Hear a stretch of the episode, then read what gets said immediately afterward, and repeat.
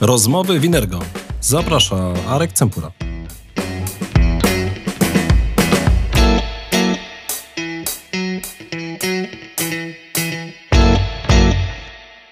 Dzień dobry, wieczór się z Państwem, bo nigdy nie wiem, kiedy nas słuchacie albo kiedy oglądacie. Arek Cempura i rozmowy Winergo.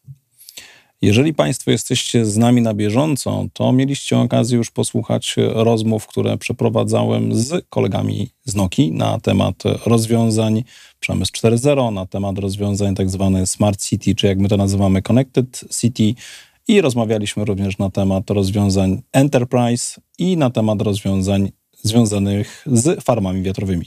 Jeżeli jeszcze tego nie zrobiliście, to zapraszam do tych odcinków, gdzie właśnie moimi gośćmi jest Piotr Mszyca i Paweł Niedzielski. A dzisiaj trochę porozmawiamy o Noki, też dla mnie tajemniczej. Pewnie bym chętnie zadał pytania na temat Noki, ale nawet czasami nie wiem, jakie pytania zadać. I tutaj zaproponowano mi, żeby moim gościem był Artur Ołtarzewski. Artur, kim jesteś, dokąd zmierzasz w tym świecie i co chcesz powiedzieć nam, co poza rozmowy Winergo nie wyjdzie? Oczywiście dzień dobry wieczór, jak e, tutaj e, Arek e, powitał nas wszystkich. Postaram się zadać te pytania, które nie jesteśmy w stanie nawet zadać i jednocześnie mam ułatwione zadanie, bo będę w stanie na nie być może odpowiedzieć, jeżeli Jezus, sam jak będę fajnie, ja będę siedział zadawał. sobie z boku i będę przyglądał. To będzie taki po prostu idealny gość, który sam sobie zada pytania, udzieli odpowiedzi, a ja tylko wezmę honorarium. Trochę brzmi znajomo, ale w takich czasach żyjemy, tak? Także mam nadzieję, że będzie to dosyć interesujące dla Państwa. Dobrze, czym się zajmujesz w Noki, za co odpowiadasz na co dzień zawodowo? Mm, Jestem, to będzie pierwszy e, angielskojęzyczny termin, którego użyję, czyli Customer Solution Architektem. Z tego względu, że staramy się w Noki nie tłumaczyć e, stanowisk, które mamy, czyli jestem po prostu po polsku e, architektem rozwiązań dla rynku enterprise'owego. E, I jestem członkiem, można powiedzieć, małego zespołu w Noki, który jest zespołem europejskim i dla rynku enterprise'owego w Noki jestem jedynym przedstawicielem e, tego zespołu. Projektuję rozwiązania e, dla potrzeb rynku enterprise'owego, zarówno bezprzewodowe, jak i przewodowe. Staram się słuchać swoich klientów i jak gdyby odpowiadać na ich potrzeby, tak żeby odpowiednie rozwiązanie móc przedstawić tak, żeby ono było optymalne kosztowo, ale z drugiej strony spełniało wszystkie wymagania. Ci z słuchaczy i widzów, którzy z nami są w miarę bieżąco, już wiedzą, co to jest Solution Architect, bo tak naprawdę mieliśmy okazję rozmawiać z takimi osobami, między innymi Krzysztof Pyko, Łukasz Włodarczyk od Nars Synergo. E, To są osoby, które właśnie, tak jak podobnie jak ty, przede wszystkim szukają rozwiązań dla różnego rodzaju pomysłów e, biznesowych. A teraz prywatnie? Tak. Nie- Nie wyjdzie tutaj, tylko w rozmowach Inergo. Coś takiego, no to, to dajesz. E, prywatnie, tak? Tak. Czym się zajmuję prywatnie? Tak, jakieś hobby takie, nie wiem, o które nawet żonie nie powiesz, bo na przykład y, zapytaliśmy Pawła Niedzielskiego, czy poleciałby na Marsa, powiedział, że bardzo chętnie, a potem go zapytaliśmy, czy żona już o tym wie, no powiedział, że jeszcze tego z nią nie uzgodnił, aczkolwiek już jak mieliśmy przy okazji kolejnej rozmowy, no, powiedział, że dostał zgodę pod warunkiem, że ona leci z nim. No, to jest dosyć odważne, tak, e, ze strony Pawła. Natomiast ja, jak gdyby udam się, może, mo- może powiem, że ja się bym chętnie udał troszeczkę bliżej. Mianowicie na Księżyc i pewnie będziemy o tym rozmawiać. Byłbym drugim przedstawicielem tak zwanego polskiego narodu podtwardowskim, także myślę, że to jest dosyć fajne. Tak, drugim po Twardowskim, e, można byłoby powiedzieć trzecim w ogóle w kosmosie, bo jeszcze uwzględniamy tutaj już świętej pamięci Pamięci. Mirosława Hermaszewskiego, ale tam, no dobra, trzymam za ciebie kciuki. Mamy już też kolejnego pretendenta do lotu w kosmos, Sławosz Uznański, który jest też na liście właśnie rezerwowych, jeżeli chodzi o osoby, które mogłyby polecieć w kosmos, także życzę ci, żebyś tam się załapał. Trzymamy kciuki. Pamiętajmy tylko, że e, to jest profesjonalista, natomiast dla mnie to będzie tylko hobby. Ale wiesz co, już są doświadczenia. Chyba to była taka misja, w której też e, wzięli ludzie, którzy nie są profesjonalistami, udział w takim locie. Tak? Badano tam różnego rodzaju zachowanie właśnie takich osób, które na co dzień nie zajmują się tym zawodowo. Ci ludzie polecieli i wrócili. Więc myślę, że to jak najbardziej jakby pierwsze koty za płoty. Artur, Budzę się w środku nocy, pytam, co to Nokia, czym się zajmuje. Bo ostatnio zapytałem modnego czata GTP o Nokia, no to dostałem taką dosyć mm, lakoniczną odpowiedź. Nokia kojarzy mi się z telefonami komórkowymi, które były popularne w latach 90. i 2000. Były one znane z trwałości i prostoty obsługi. To jest dosyć ciekawa odpowiedź. E, też jestem fanem czata. GPT. Razem właśnie ostatnio z kolegami z zespołu zadaliśmy pytanie e, w stronę tego czata z prośbą o napisanie poematu na temat Nokii i muszę powiedzieć, że doskonale sobie chat GPT poradził jako taką ciekawostkę. Jeżeli będzie e, możliwość, miejsce, udostępnię odpowiedź, jaka była. E, Artur, biorę w ciemno, by do naszego posta dotyczącego tego webinaru dokleimy, także na webinary.inergo.pl przy rozmowie z Arturem będziecie mieli Państwo okazję przeczytać poemat o Nokii napisany we współpracy zespół Nokii i chat GPT. E, tak, natomiast wspomniałeś o tym, z czym kojarzy się Nokia. E, prawie 90% y, ludzi Nokia kojarzy się z telefonami. I z takim telefonem, który do dnia dzisiejszego funkcjonuje głównie w internecie i w memach, czyli 3210. To była legendarna i jest legendarna Nokia, która była projektowana e, w ten sposób, żeby wytrzymać uderzenie pocisku, sobie zażartuję, ale była naprawdę niezawodna, wytrzymująca e, bardzo dużo e, na baterii i jest jak gdyby taką ikoną firmy Nokia. Natomiast wspominam o niej dlatego, że wszystkie mm, produkty, które w tej chwili Nokia oferuje na rynku, a jest tego naprawdę cała masa, bo to są produkty od sieci mobilnej poprzez routery, przełączniki, po sieci korowe, rozwiązania AI, Scene Analytics tak zwany, analiza wideo.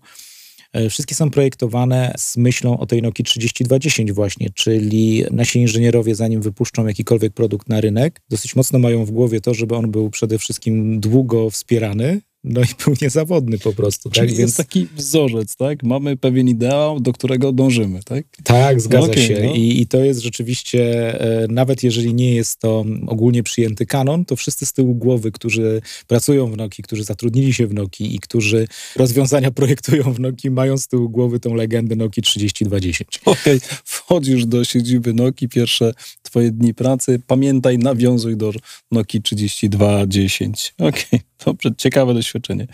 Ale przejdźmy teraz już do mm, rzeczy, które dzieją się obecnie w Noki. Rozmawiałem między innymi właśnie z e, Pawłem Niedzielskim na temat rozwiązań dla przemysłu 4.0. Tam w naszej rozmowie można zobaczyć, przewijają się tak zwane autonomiczne wywrotki tak, w kopalni odkrywkowej. Czym jest taka wywrotka i co do tego ma właśnie Nokia? No Paweł opowiedział o pewnej filozofii, ale ty już jako ten inżynier od rozwiązań jakbyś powiedział więcej, tak?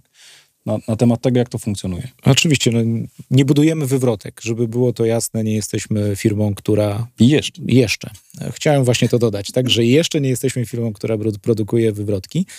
Natomiast jest to element pewnej podróży, którą tutaj też e, pewnie odbędziemy, e, jeśli chodzi o Nokia i to, gdzie te produkty i te rozwiązania Nokia występują. Są to kopalnie odkrywkowe i tam właśnie te wielkie ciężarówki, które chyba wszystkich mężczyzn fascynują, jak oglądają filmy amerykańskie, gdzie olbrzymie ciężarówki jeżdżą e, po innych, po innych samochodach. Zazwyczaj po innych samochodach.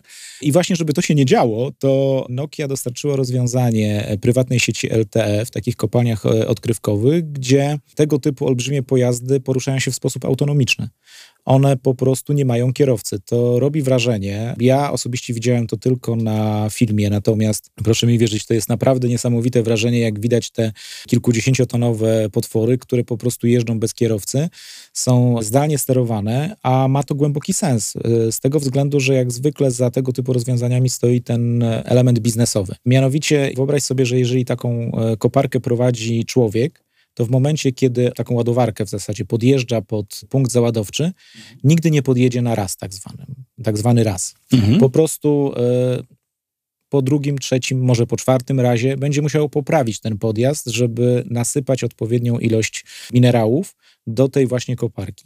I to jest jak gdyby przeliczane na czas. To jest po prostu mniejsze wydobycie, mniejsza ilość przewiezionych e, towarów. Natomiast sterowanie tej ładowarki przez sieć LTE powoduje, że ta ładowarka podjeżdża zawsze, za każdym razem na raz.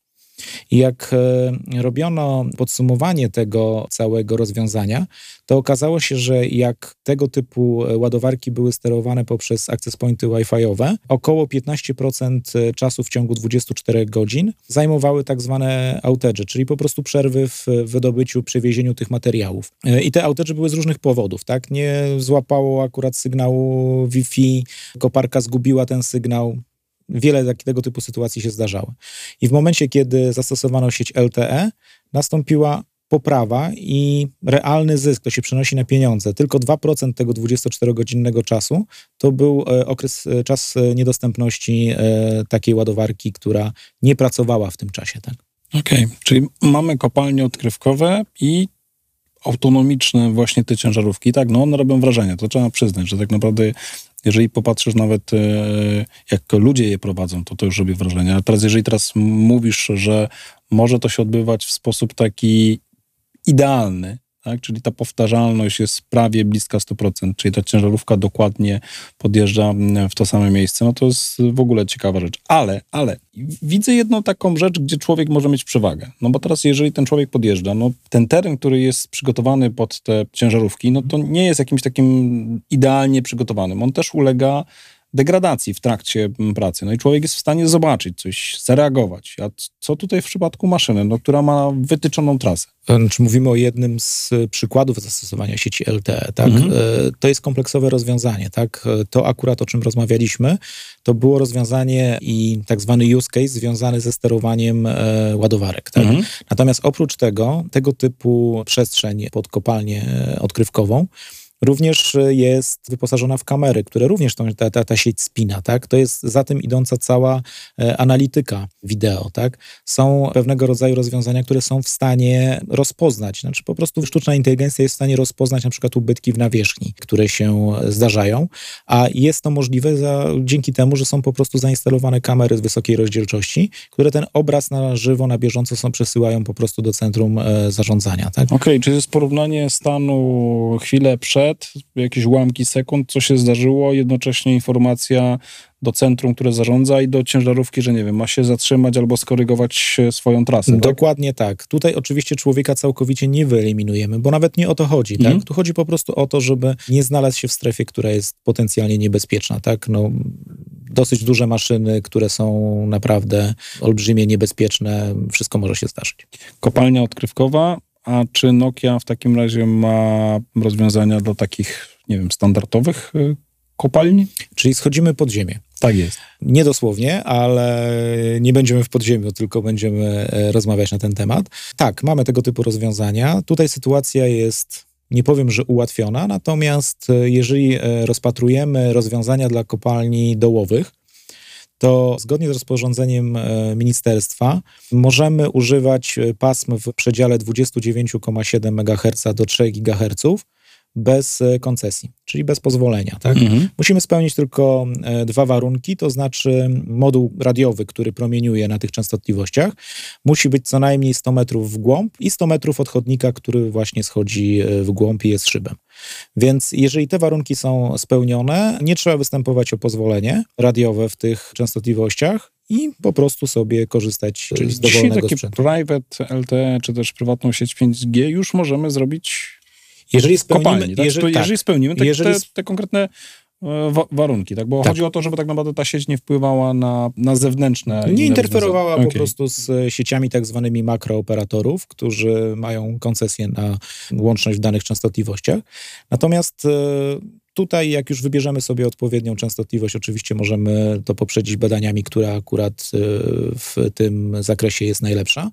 Mamy po prostu do tego odpowiedni sprzęt, żeby on pracował w kopalni, bo zapewne e, również e, Paweł, domyślam się, Niedzielski wspominał o rozwiązaniach ateksowych, mhm. czyli to muszą być rozwiązania i to zarówno pod kątem e, sprzętu, który odpowiada za sieć LTE, czyli moduły radiowe, anteny, elementy sieci korowej, musi być odporny na tego typu nieprzyjazne warunki, a z drugiej strony nie może powodować zagrożenia dla górników, ale oprócz tego również telefony, czyli te końcowe urządzenia również muszą spełniać standardy dosyć e, mocne w tym zakresie i rygorystyczne, żeby nie iskrzyły po prostu te urządzenia w strefie zagrożenia wybuchem i te wszystkie rozwiązania Nokia po prostu dostarcza. Tak?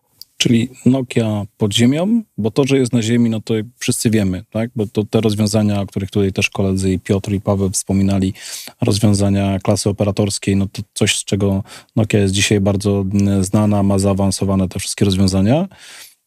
Rozumiem, że skorzystanie z tego wszystkiego po to, żeby mm, właśnie zarządzać e, urządzeniami przede wszystkim, opomiarować odpowiednio te kopalnie, wykorzystać potencjał, który nam daje mm, sieć LTE. Co dalej, tak? No okej, okay, jesteśmy pod ziemią, wychylamy się na ziemię, tutaj Nokia należy do liderów. Co? Jakieś kwestie dotyczące... Mm, Powierzchnia, czyli to, co mm, również w poprzednich odcinkach było wspominane, czyli wszelkiego rodzaju rozwiązania dla biznesu obejmujące branżę e, tak zwaną manufacturing e, and logistic, czyli fabryki, e, centra logistyczne, huby logistyczne, rozwiązania dla farm wiatrowych. Myślę, że koledzy dosyć dobrze to scharakteryzowali i o tym opowiadali. Poza rozwiązaniami właśnie dla takich operatorów, którzy są na przykład na polskim rynku, są to rozwiązania również takie prywatne, nazwijmy to w ten sposób, dla sieci małych, które są rozwiązaniami w pełni funkcjonalnymi, będącymi taką siecią w pigułce, spełniającą potrzeby klienta, ale z drugiej strony no, tylko i wyłącznie będące własnością tego klienta i tylko dla jego własnych potrzeb co dalej? Bo ja teraz nawet szczerze to nawet nie wiem, jak zadać pytanie. E, no. Dalej. Wejdźmy wyżej może, tak? Może nie tyle dalej, co wejdźmy wyżej, tak? Jeżeli już tak byliśmy pod ziemią, byliśmy w kopalni odkrywkowej i, i, i tutaj y, moi koledzy dosyć dobrze scharakteryzowali, jak to wygląda właśnie w tych rozwiązaniach naziemnych.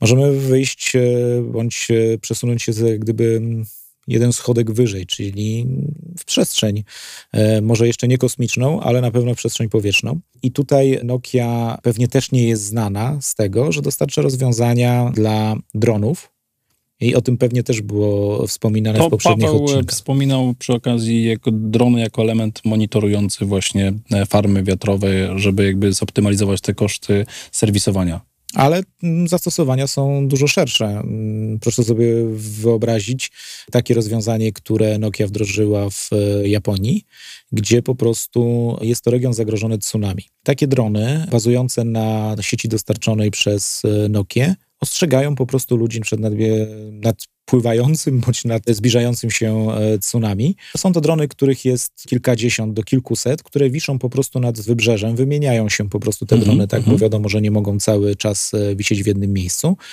Wyposażone w dwie dosyć istotne rzeczy kamerę i popularną szczekaczkę. I to wygląda po prostu w ten sposób, że jeżeli mamy informację o zbliżającej się fali, o zbliżającym się tsunami, raz, że poprzez tą szczekaczkę jest możliwość ostrzeżenia ludzi o tym, żeby się jak najszybciej ewakuowali z terenu plaży, a z drugiej strony kamera i wideoanalityka za tym stojąca jest w stanie rozpoznać, czy ci ludzie się rzeczywiście na tej plaży znajdują. Więc e, ten komunikat jest od razu odtwarzany w momencie, kiedy ktoś na tej plaży się znajduje albo nie chce jej opuścić, no to odpowiednie służby są w tym momencie kierowane na miejsce. Ja rozumiem, że te drony muszą być odpowiednio mm, daleko wysunięte, tak, no żeby tą falę wyłapać też. Znaczy ostrzeżenie idzie jak gdyby z centrum e, kryzysowego, tak? -hmm, Drony mm -hmm. są elementem, który sprawdza, jak wygląda wybrzeże okay. I służy jako przekaźnik informacji dla ludzi, żeby jak najszybciej. Czyli takie już opuszczą. wykonawcze, tak? Czyli wiemy, tak. że ta fala idzie, natomiast teraz potrzebujemy szybko zadbać o bezpieczeństwo Dokładnie ludzi tak. tam, którzy się znajdują, więc najszybciej wysyłamy drony, które potwierdzają, że to zagrożenie jest i jednocześnie informują. No okej, okay, dobra. Co dalej? Ale tu jesteśmy niziutko jeszcze, okay. tak? Bo te drony wcale wysoko nie latają, paradoksalnie. Natomiast Nokia również jest e, jednym z liderów e, przy dostarczaniu rozwiązań e, szeroko pojętego, kolejny angielski termin, air to grandu, mm -hmm. czyli rozwiązań dla statków powietrznych. I tutaj też w zasadzie możemy rozróżnić dwa obszary i dwa poziomy tego typu rozwiązań. Jeden z nich to są rozwiązania dla nisko latających statków powietrznych, to są śmigłowce, y, małe samoloty. Przyjmuje się, że taki pułap, do którego te rozwiązania działają, jest to pułap 3,5 km i prędkość około 350 km na godzinę.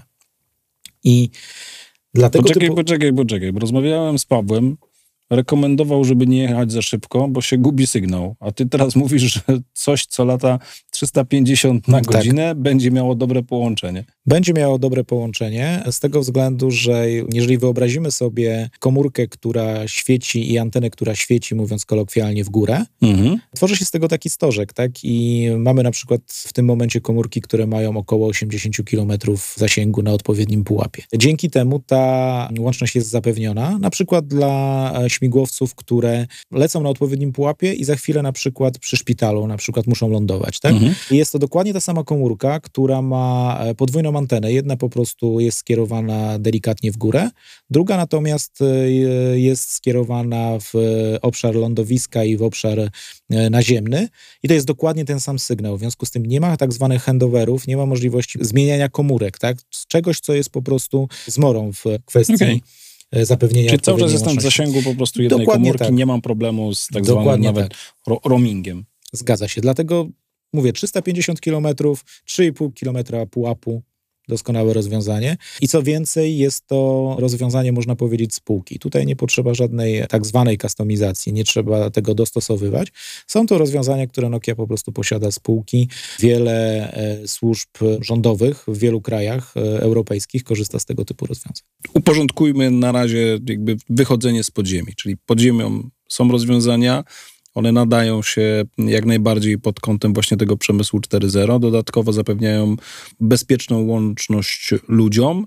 Potem mamy powierzchnię, tak? No tutaj wiadomo, kompletne rozwiązania Nokii. Mamy morza i oceany, te farmy wiatrowe, drony, samoloty. Co dalej? Co już wychodzimy poza atmosferę ziemską? Nie, no rozmawialiśmy na temat samolotów, ale e, rozmawialiśmy na temat samolotów, które e, latają na dosyć e, niskich pułapach. To są rozwiązania typu, w Nokii mówimy o tym LALS, czyli Low Attitude, Low Speed. E, Relatywnie 350 km nie jest to jakaś duża, duża prędkość.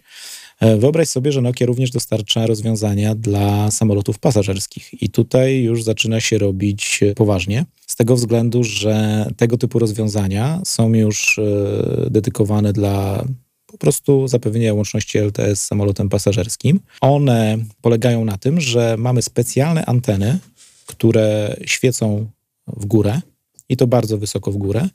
Tego typu stożek, w który wlatuje samolot pasażerski, jest to stożek, który potrafi mieć 150 km.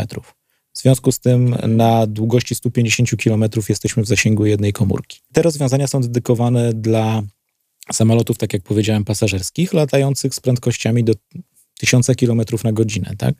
Więc y, prędkość przelotowa na przykład Airbusa, która jest 870 na przykład kilometrów na godzinę, jest y, jak najbardziej mieści się w tym zakresie. Co więcej, nie jest to science fiction. Jeden z wiodących przewoźników niemieckich na europejskim rynku wykorzystuje rozwiązania Nokia. Zaletą tego typu rozwiązań i tym, dlaczego akurat Nokia została wybrana do dostarczenia tego typu rozwiązań, było to, że na pokładzie samolotu znajduje się urządzenie odbiorcze, którym jest e, tak zwany basement unit, razem z e, dwoma antenami e, instalowanymi pod kadłubem samolotu. I do tego antena 4G, która promieniuje wewnątrz samolotu i jest dodatkowo spięta z systemem Wi-Fiowym tegoż samolotu. I dzięki temu po prostu pasażerowie mogą korzystać albo z sieci LTE, albo mogą korzystać z sieci Wi-Fiowej. Poczekaj, czyli streaming, platformy streamingowe dostępne w samolocie? Mm, Po części można tak powiedzieć. No, nie jest to jakaś rewelacyjna prędkość oczywiście, tak? Więc e, przypuszczam, że jeżeli byśmy chcieli oglądać e, Netflixa, to średnio by się nam to udało, choćby nawet ze względu na opóźnienia, bo jednak mimo wszystko fizyki się nie oszukamy. Natomiast mamy zapewnioną normalną łączność e, z samolotem. Wada tego rozwiązania jest taka, że samolot musi latać, lecieć nad e, e, ziemią. No, musi być w zasięgu No ale my rozmawialiśmy stacji, z Pawłem, że stacji e, bazowej. Tak? Rozmawialiśmy z Pawłem, że jeżeli będzie odpowiednio dużo tych mm, farm wiatrowych y, na, na morzu, to być może też będzie I można jest to je, jak najbardziej będzie można je wykorzystać, także tutaj jakby mamy dosyć ciekawy kierunek. Ja tylko jeszcze chciałem zwrócić e, uwagę na jedno. To rozwiązanie jest o tyle ciekawe i dlatego zostało wybrane przez e, przewoźnika, że całe to rozwiązanie z modułem radiowym, baseband unitem, anteną waży 15 kg bez e, okablowania. A ponieważ wiadomo, że na pokładzie samolotu każdy kilogram jest cenny, dlatego też i to, to było dosyć decydujące. No dobra, zaskakujące, to mm, dosyć ciekawie. Dobrze, to tu mamy lotnictwo cywilne, a wojskowe? Również. Okej, nie potwierdzasz, mogę, nie zaprzeczasz. Mogę powiedzieć, że dla nie tylko lotnictwa wojskowego, ale dla szeroko pojętego NATO, nazwijmy to w ten sposób, dostarczamy rozwiązania. Okej, czyli jesteśmy już na takiej wysokości samolotów wojskowych, a stamtąd już blisko do przestrzeni kosmicznej. Co tutaj Nokia oferuje? I tak, i nie. No dobrze, to jeszcze pamiętajmy o tym, że jest jeszcze jedna warstwa i tutaj pewnie cię zaskoczę, ale jest coś takiego, co nazywa się NTN, czyli Non-Terrestrial Network, sieć, która jest pewnego rodzaju hybrydą sieci e, komórkowej, e, tak zwanego New Radio, które mamy w 5G i sieci satelitarnej. E, Sieci satelitów, które poruszają się po orbicie ziemskiej na tak zwanej orbicie LEO, tak, czyli Low Earth e, Orbit. I tutaj przykładem takich satelitów jest e, Starlink e, Elona Muska. Zresztą nawiasem mówiąc, e, jest to dosyć ciekawe, ponieważ mm, jeżeli ktoś interesuje się mm, technologią, Nokia jest mu blisko w sercu i wie, jakie jest hasło, które Nokia ostatnimi laty promuje, to jest to dosyć ciekawa, ciekawe nawiązanie właśnie do tej sieci NTN-owej.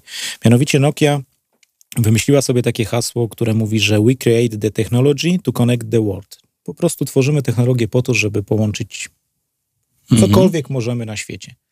Tylko jest jeden problem. 71% e, obszaru ziemskiego jest po prostu niepołączone. Nie ma tam że jakiegokolwiek zasięgu. E, I połączenie, te, zastosowanie takiej hybrydy, połączenie e, sieci komórkowej i sieci satelitarnej jest no to doskonałym e, rozwiązaniem. Zresztą w tej chwili już w e, ciałach standaryzacyjnych e, w releasie 17 są pierwsze e, wzmianki na temat e, właśnie tej sieci NTN-owej w połączeniu z e, siecią e, komórkową. I również mamy taką pierwszą jaskółkę, z którą możemy się spotkać u nas na, na rynku. Jest to nowy iPhone. E, 14, gdzie jest e, usługa e, 14 Pro oczywiście i Pro Max, gdzie jest usługa, e, którą możemy sobie wykupić, e, wezwania służb pomocy przez satelitę w momencie, kiedy na przykład ulegamy wypadkowi. Tak? Jest tu wiele rzeczy do rozwiązania strony technicznej, żeby tego typu łączność zestandaryzować. E, Niektórzy producenci e, są dalej, niektórzy bliżej, żeby to swój wkład dać do tego typu e, rozwiązań standaryzacyjnych. Natomiast jestem w stanie sobie wyobrazić, że być może za 2-3 lata będziemy w stanie wykupić abonament komórkowy i satelitarny i będziemy mogli porozmawiać sobie przez satelitę z dowolnego punktu na Ziemi, tylko jeżeli będziemy w zasięgu dowolnego satelity, którą usługę mamy wykupioną i możemy sobie taką łączność zapewnić. To działa w ten sposób, że po prostu łączymy się z satelitą, nasz sygnał jest przesyłany do stacji naziemnej i dalej idzie po prostu zwykłą siecią stacjonarną. Tak? Czyli po prostu roaming, tylko tak inaczej. To nie jest roaming już jakby w ramach jednolitej, jednorodnej sieci, tylko roaming pomiędzy sieciami. Tyle, że wyzwaniem tu jednak trochę jest urządzenie, tak? Ale tak jak powiedziałeś, no, pierwsze już e, wdrożenia są, które pozwalają wykorzystać w jakimś wąskim zakresie, więc tak naprawdę mm, producenci myślę, że w najbliższym czasie pokażą, że mm, takie rozwiązania są dostępne. Tak jak powiedziałeś, szczególnie z tego powodu, że no, my tu w Europie żyjemy i dla nas y, łączność jakakolwiek bezprzewodowa, wydaje nam się, że to jest taki no tak samo jak woda w kranie, tak? No powinno być, tak? Czy prąd w gniazdku, no to powinno być, tak? Natomiast te obszary, gdzie ta łączność jest potrzebna, ale ona nie do końca jest uzasadniona ekonomicznie albo nawet technicznie do wprowadzenia, żeby zbudować tam taką standardową e, telefonię komórkową. Zgadza się, no tak jak wspomniałem, jest to 71% y, powierzchni Ziemi, to jest dużo. Y, czyli okej, czyli to wyzwanie Nokia już ludzi połączyła, tak? Y, Bo było Connecting People, a teraz tak naprawdę spowoduje, żeby połączyć świat. Ale to jest tylko nasz świat, bo no, z Pawłem Niedzielskim też mieliśmy okazję wspomnieć o tym, że te projekty Nokia prowadzi również z NASA. Więc to jest tylko świat nam znany, czy też światy za chwilę do, dojdzie tam? Być może będą to światy, natomiast y, ja tylko kończąc wątek poprzedni, chcę, żebyśmy mieli świadomość tego, że to nie jest naprawdę trywialne, bo przy budowaniu tego typu rozwiązań na kolejnych warstwach e, sieci, e, o których sobie rozmawiamy, spotyka, napotyka wiele trywialnych problemów, bo kończąc wątek sieci NTN-owej, wyobraź sobie, że zapewnimy sobie taką łączność wcześniej czy później, tak, satelitarną, e, łącząc z tą hybrydą nasze telefony komórkowe, ale dosyć dużym wyzwaniem jest na przykład IoT, mhm. czyli urządzenia które są w lodówkach, pralkach, odkurzaczach, gdziekolwiek. I żeby taką łączność zapewnić, potrzebują sygnału GPS-owego, czyli muszą mieć GPS-a w sobie, tak, żeby było wiadomo, gdzie są e, zlokalizowane. I to jest naprawdę, nie jest to trywialna rzecz, e, żeby to zrobić na masową skalę. I dlatego o tym mówię, że e, my jak gdyby staramy się tego typu problemy rozwiązywać. I takim kolejnym nietrywialnym obszarem i problemem, który został przed nami podstawiony, to jest po prostu sieć e, w kosmosie, czyli na Księżycu. No i e... dobra, wylatujemy z tej Ziemi kosmos, ale to w ogóle jest przecież no, wy, wyzwań zyliony. No bo mm, okej, okay, tam promieniowanie, próżnia, no i co, wysyłasz to w kosmos, co się z tym dzieje? To jest faktycznie kosmos, jak można się tak kolokwialnie wyrazić. W 2018 roku Nokia dołączyła do takiego e, projektu, który mm, toczył się pod przewodnictwem NASA, razem z e, między innymi Vodafonem i Audi, do tego, żeby stworzyć e, prywatną, pierwszą prywatną sieć na Księżycu. I to naprawdę było nietrywialne jest nadal nietrywialne wyzwanie z tego względu, że mówisz o promieniowaniu, mówisz o niesprzyjających warunkach cieplnych, czyli rozpiętość temperatur od no, bardzo wysokich zimno, do, no. bardzo, do, bardzo, do bardzo niskich. Ale trzeba też wziąć pod uwagę również odporność na przeciążenia, na uderzenia. Podczas startu rakiety te przeciążenia są naprawdę bardzo duże.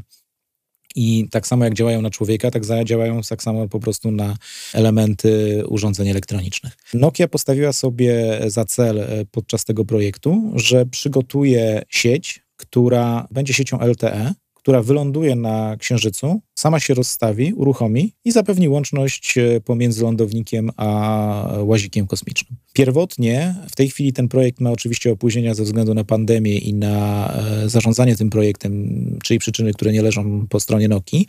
Natomiast e, my jesteśmy dosyć mocno zaawansowani w tworzeniu tego typu sieci. Pierwotnym planem było wylądowanie na Księżycu w miejscu ostatniej misji Apollo 17. To jest miejsce Taurus Littrow Valley. Z tego co pamiętam, pamiętam 9 chyba grudnia 1972 roku misja Apollo 17 tam wylądowała.